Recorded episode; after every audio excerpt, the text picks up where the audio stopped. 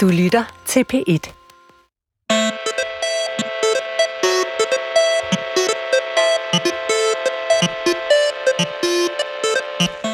Det er vel kun Jesus Kristus og Julius Caesar, der i verdenshistorisk berømmelse kan måle sig med Napoleon Bonaparte. Den lille korsikaner, der med lige dele politisk tæft og krigsstrategisk snille, blev katapulteret op i hierarkiet i kølvandet på den franske revolution, kejserkronede sig selv og førte krige til højre og venstre i den kamp for frihed, lighed og broderskab, som kostede millioner af våbenfører brødre livet. Men hvem var mennesket Napoleon Bonaparte egentlig? Det spørgsmål forsøger instruktøren Ridley Scott at besvare i sin nye storfilm Napoleon. Et næsten tre timer langt filmisk udstørstykke, som skildrer de skæbnesvangre årtier i verdenshistorien og giver os et bud på Napoleons sande følelser. Men Hvorfor er vi så optaget af fortællingen om manden bag magten, krigens natur og de imperialistiske ambitioner? Og er det tiltrængt eller usmageligt at tilføje et følelsesmæssigt sårbart lag til en hersker som Napoleon? Det spørger anmelderne om i dag. Med mig er Anna Libak, udlandsredaktør ved Weekendavisen, og Jakob Ludvigsen, filmredaktør på Soundvenue. Velkommen til jer to. Tak. Jeg hedder Mathias Hammer.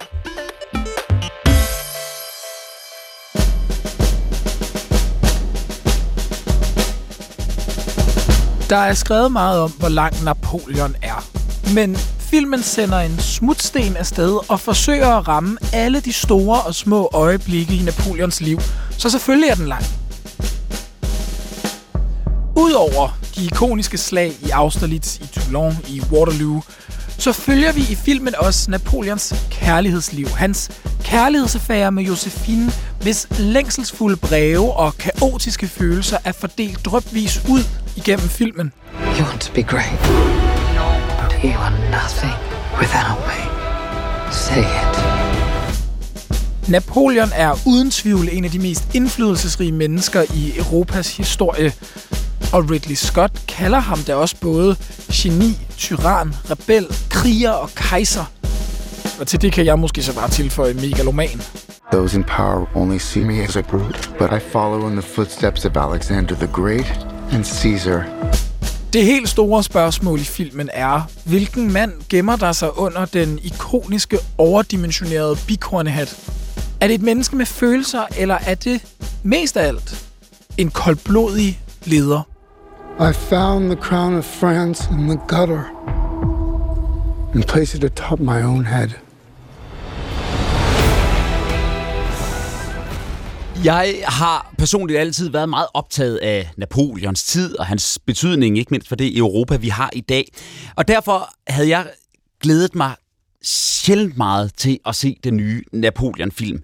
Og jeg må sige, jeg blev ikke skuffet over special effects, over kostymer og kulisser, altså den her episke storladenhed, som er virkelig imponerende, synes jeg.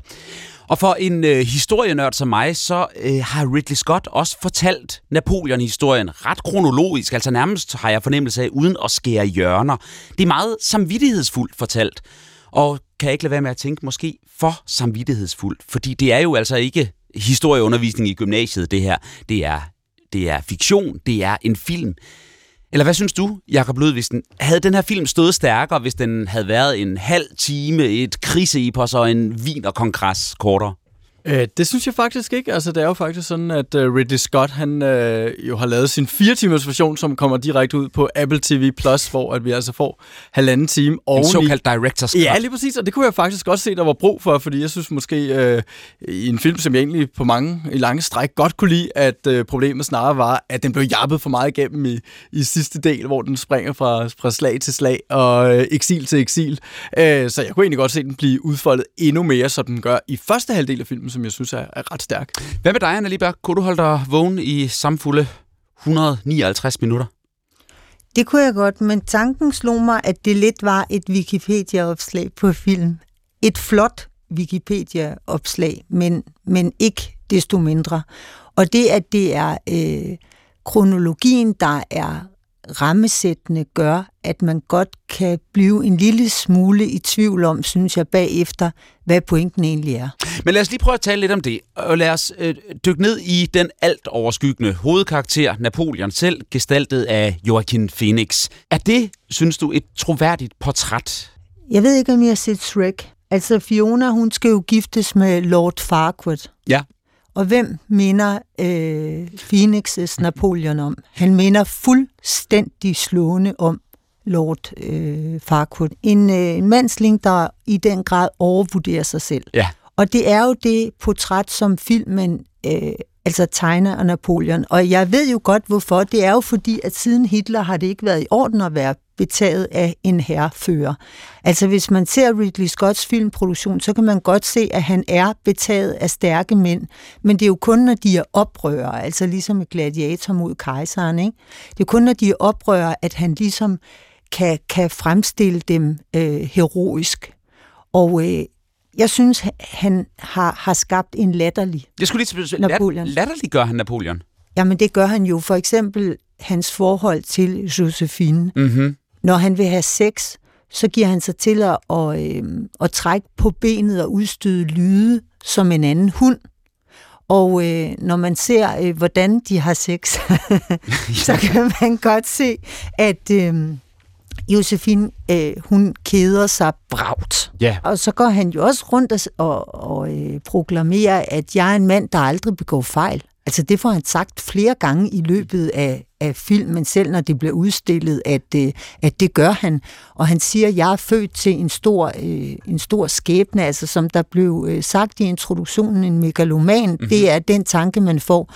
Og det synes jeg er at underkende Napoleons øh, betydning simpelthen. Men det vender vi lige tilbage til. Jakob Ludvigsen, er du enig, at det her en latterliggørelse af den historiske Napoleon?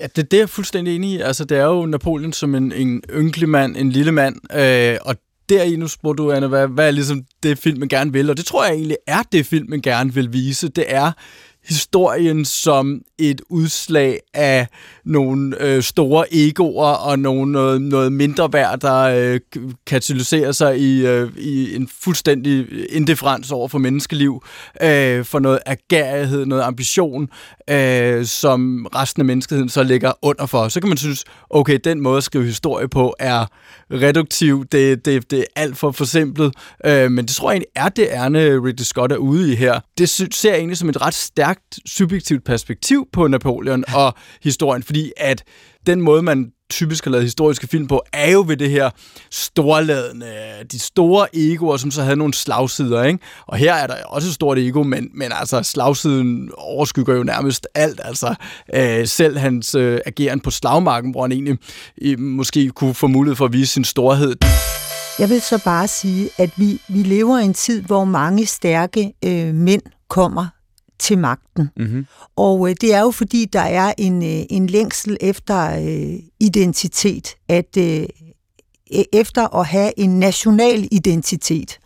Og, øh, og der, der, der synes jeg måske, at, at filmen fordømmer mere, end at, øh, at den forklarer. Noget andet, der også generer mig, det er øh, alderen på hovedpersonerne. Fordi Phoenix er for gammel simpelthen. Altså han er i slutningen af 40'erne. Han er 49 år gammel, ja. Han, han skal portrættere en 24-årig Napoleon, da filmen begynder. Ja, og, og jeg synes ikke, at Phoenix gestalter den agerighed og den, øh, hvad skal man sige, den drivkraft, der tit er hos en ung mand, som, som mænd mister undervejs. Han har sådan den gamle øh, mands øh, stedighed og overbevisning øh, om, om øh, sin egen genialitet. Og, øh, og det generer mig. Det generer mig også, at øh, Josephine, mm-hmm. som i virkeligheden var øh, syv år ældre end ham, at hun her er øh, væsentligt øh, yngre. Det har jeg bare lagt mærke til, at det er åbenbart virkelig øh, noget, som, øh, som filmskabere ikke bryder sig om. Det er, hvis øh, kvinderne er ældre end mændene. Og øh, som aldrende kvinde, så generer det mig faktisk, at øh, i de øh, tilfælde, ja. der er, hvor kvinden er ældre, jamen så må det vil jeg gerne have noteret på film. Til gengæld vil jeg gerne lige tale lidt om den der Josephine-karakter, som bliver spillet af den yngre Vanessa Kirby hedder hun.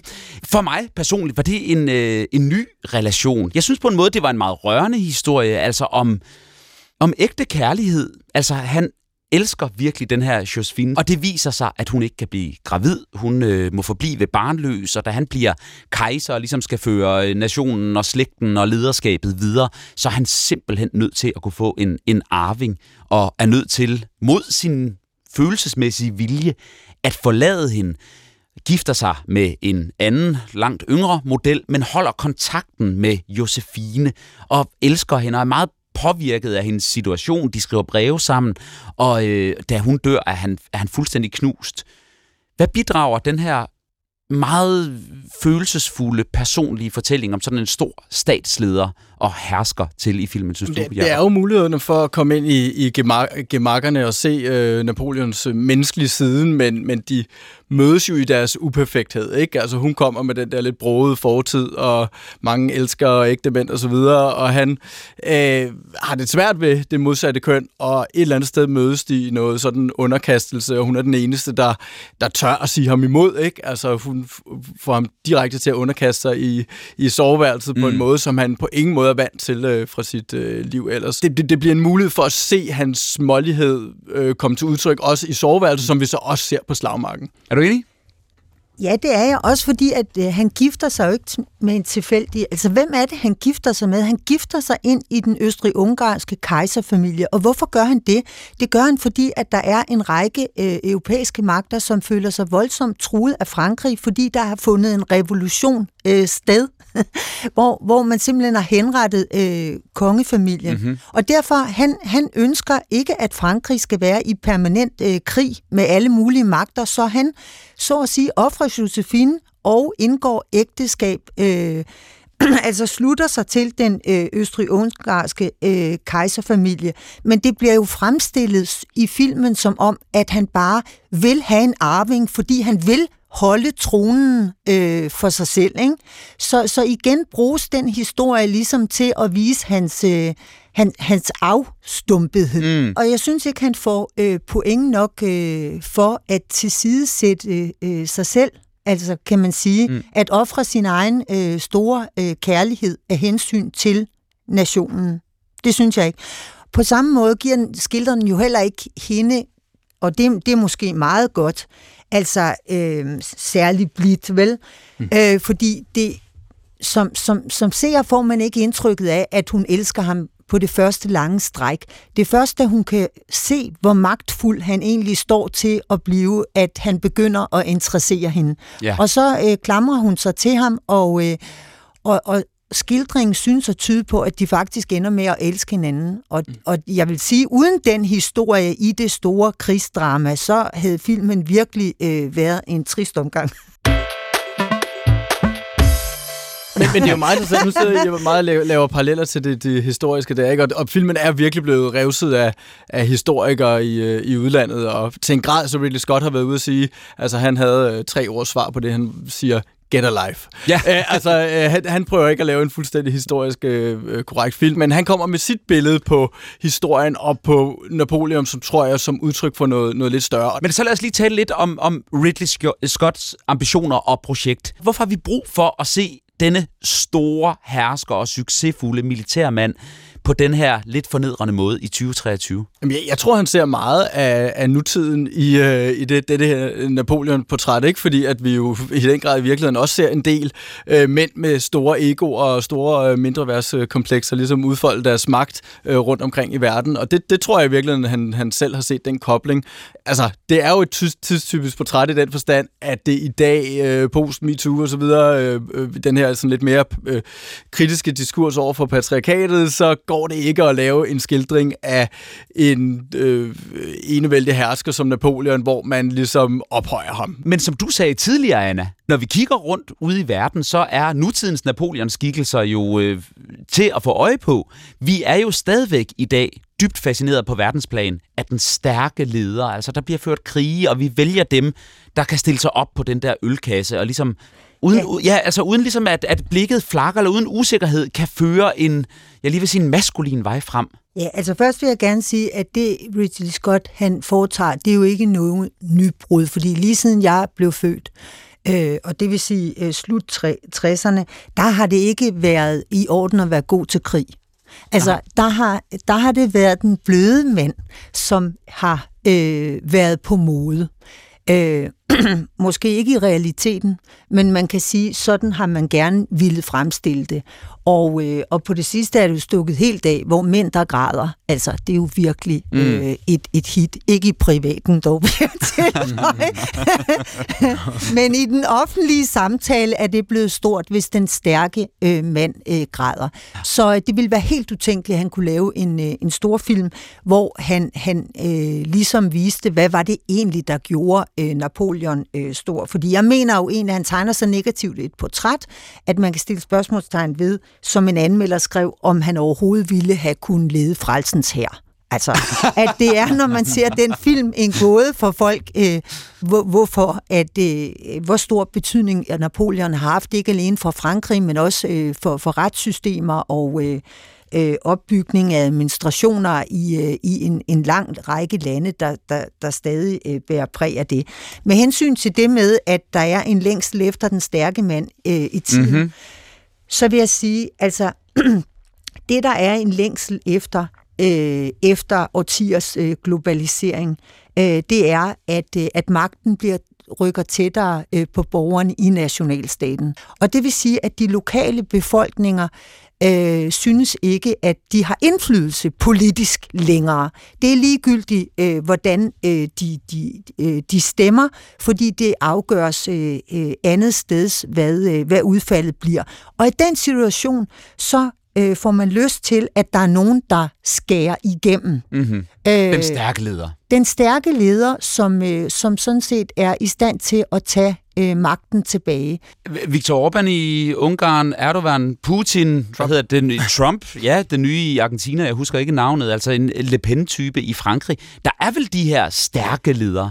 Ja, men det er jo ikke primært, altså det der gør, at folk gerne vil have dem, er jo ikke i sig selv deres styrke. Det er bare det, der gør, at man tror, de kan realisere det, de lover, at stå vagt om nationen. Fordi det, der de alle sammen har til fælles, det er, at de, de øh, tilbyder en national identitet.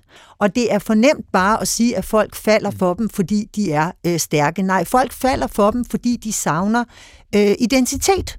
Og når vi nu taler om alle de her nutidige ledere, er der så en direkte parallel fra dem til Napoleon? altså, jeg tror, at Napoleon var et, øh, et geni, og det er få øh, beskåret. Og det siger jeg, fordi at, øh, at det, som mange kritikere øh, af filmen jo har fremholdt, det er, at man slet ikke er opmærksom på, at, øh, at øh, Napoleon var en stor øh, meritokrat. Mm-hmm. Det vil sige, at han var Altså, han så på, hvad folk kunne, og ikke øh, hvilken stand de tilhørte. Og det var det, der gjorde ham så overlegen i krig, fordi sagen er den, at de fleste af de, øh, de slag, han vandt, der var den franske her i undertal. Hvordan lykkedes det ham så? Det lykkedes ham, fordi at dem, der steg i graderne, var de dygtigste, og det var noget helt nyt. Mm. Øh, og sådan øh, gik han i gang med en lang række reformer, også øh, øh, af øh, staten, som simpelthen byggede på, at hvis han så talent hos folk, så blev de forfremmet, og så var det ligegyldigt, om de kom fra beskedende kår. Og det synes jo sikkert, øh, det skyldes jo sikkert, at, at han selv kom fra øh, beskedende øh, kår. På Korsika. Ja. Men, men det, du, der savner jeg også, synes jeg, lidt, at filmen øh, ligesom iscenesætter hans evner en lille smule mere. Ikke? Vi får sådan en halvandet slag, hvor vi kan se, at han laver et par, par fine manøvrer, men, men, men jeg kunne godt have brugt lidt mere dedikation til hans dygtighed, fordi det bliver mere fremstillet som, at han kommer til at udfylde en eller anden form for magtvakuum mm-hmm. efter øh, revolutionen, hvor at øh, ingen rigtig ved, hvad, hvor lander det hele, og den nupper han så som sådan lidt øh, øh, giver sig ud for at være en mand af folket, ikke? Øh, øh, og så, så får vi lige sådan lidt af hans øh, geniskab der, men, men ellers så kommer det jo netop til at handle om, hvordan han overvurderer sig selv, ikke? Altså, øh, han sidder netop og siger til nogen, altså det, det eneste, du skal lære i livet, det er at acceptere andres fejl. Han kan slet ikke se, at han selv har nogen fejl, og han bliver fremstillet som en mand, som jo tror, han er større end historien, ja. men viser sig at være overflødig, som en, der lige så godt kan tilsidesættes på en ø, som alle mulige andre dødelige mennesker. Ikke? Øh, så, så ja, når nu vi har to timer og 38 minutter, så vil vi måske gerne se lidt mere til, hvorfor han øh, nåede dertil, og hvad han egentlig kunne. Så øh, sætter vi lige anmeldelsen af Ridley Scotts Napoleon-film på pause, fordi Jeg øh, synes, vi skal forære vores lyttere en lille radiofonisk gave i form af øh, tre anbefalinger til alle, der har interesse for storfilm, for Napoleons krige eller for lederportrætter. Anna, vil du ikke komme med den øh, første anbefaling? Jo, altså Napoleon er karakteriseret ved at være en film, hvor øh, instruktøren gerne øh, vil pille ham ned fra pedestalen. Og derfor så vil jeg anbefale to andre film, hvor øh, instruktøren ikke vil det. Og den ene, det er øh, Churchill-filmen, øh, og den anden, det er den film om, øh, om Chamberlain, der hedder Munich, The Edge of øh, War. Mm-hmm. Det er fremragende øh, film, som virkelig øh, yder deres øh, hovedpersoner fuld retfærdighed. Jeg synes endda for meget i Chamberlains øh, tilfælde. I, i, i uh, Churchill-filmen, der fremstår han som en lille forkølet uh, pensionist, som uh, andre umiddelbart har uh, svært ved at se storheden i, men jo så gør uh, af alles lave forventninger fuldstændig til skamme. Ikke?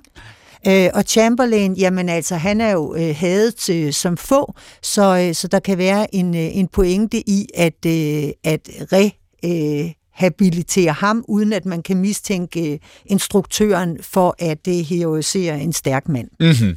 Tak for det, Munich, The Edge of War og The Darkest Hour-filmen om Churchill.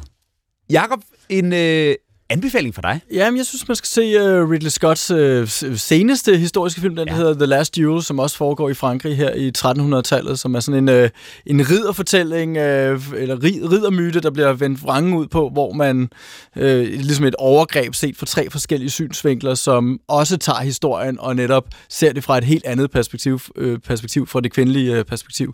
En film, som jeg synes faktisk er rigtig overbevisende, og som også giver lidt en forståelse for, hvad Ridley Scotts projekt egentlig er her i uh, Napoleon vælger nemlig at ja, kaste et, et, lidt andet blik på historien, end det vi er vant til.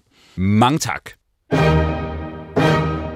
Jeg har også en anbefaling. Det er ikke en film. Nu skal vi nemlig have musik, fordi øh, det udspringer egentlig af min oplevelse af lydsiden i Napoleon-filmen.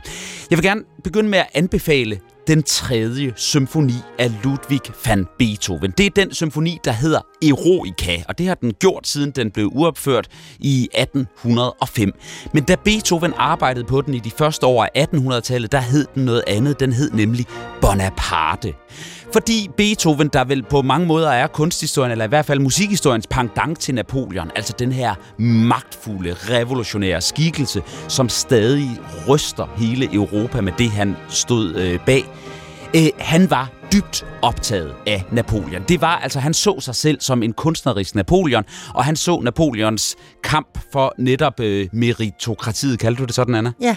Øh, som som øh, fremtiden for vores verdensdel.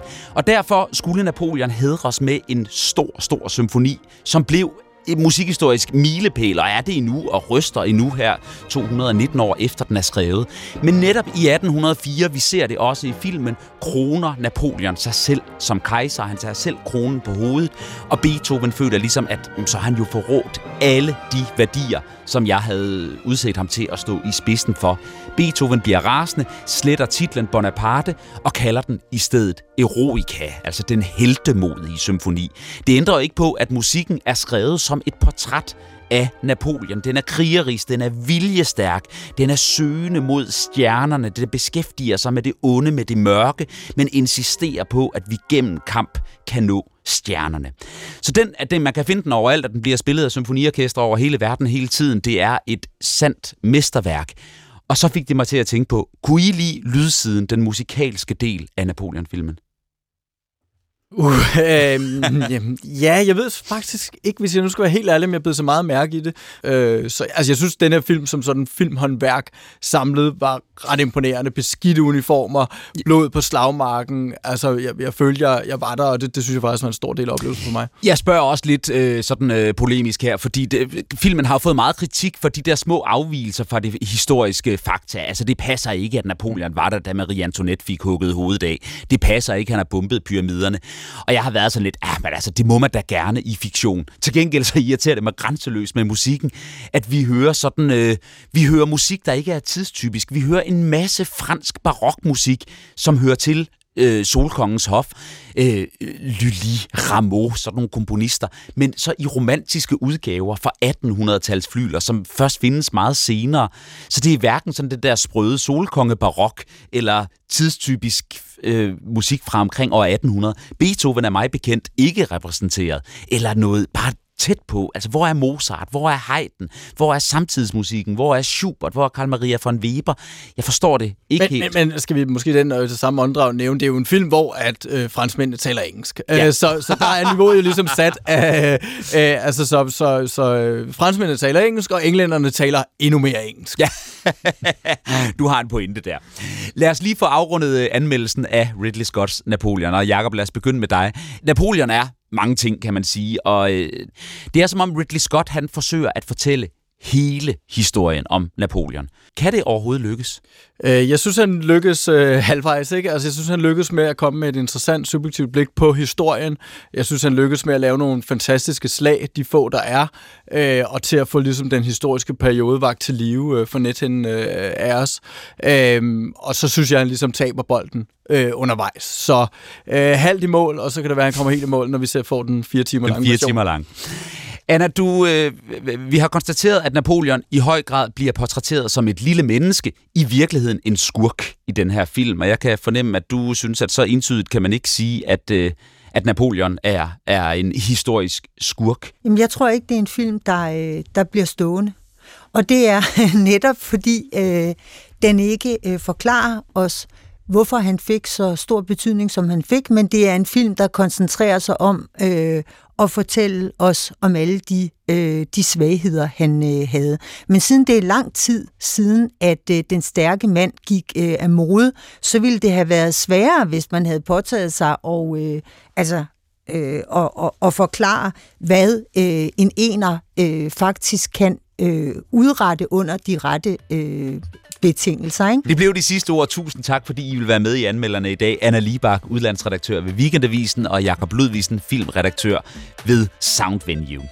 Jeg vil lige sige, at hvis du har appetit på mere lyd om Napoleon, den ægte historiske skikkelse, så vil jeg henlede opmærksomheden på podcasten Kampen om historien, hvor Adam Holm, verden i denne og i næste uge, gør selskab af lektor og Ph.D. Rasmus Glenthøj til en samtale om Napoleons liv og gerninger. Det er værd at lytte på, og man kan finde det i appen DR Lyd. I redaktionen for det her program er det Sara Randeris og Gustav Hagil. Jeg hedder Mathias Hammer.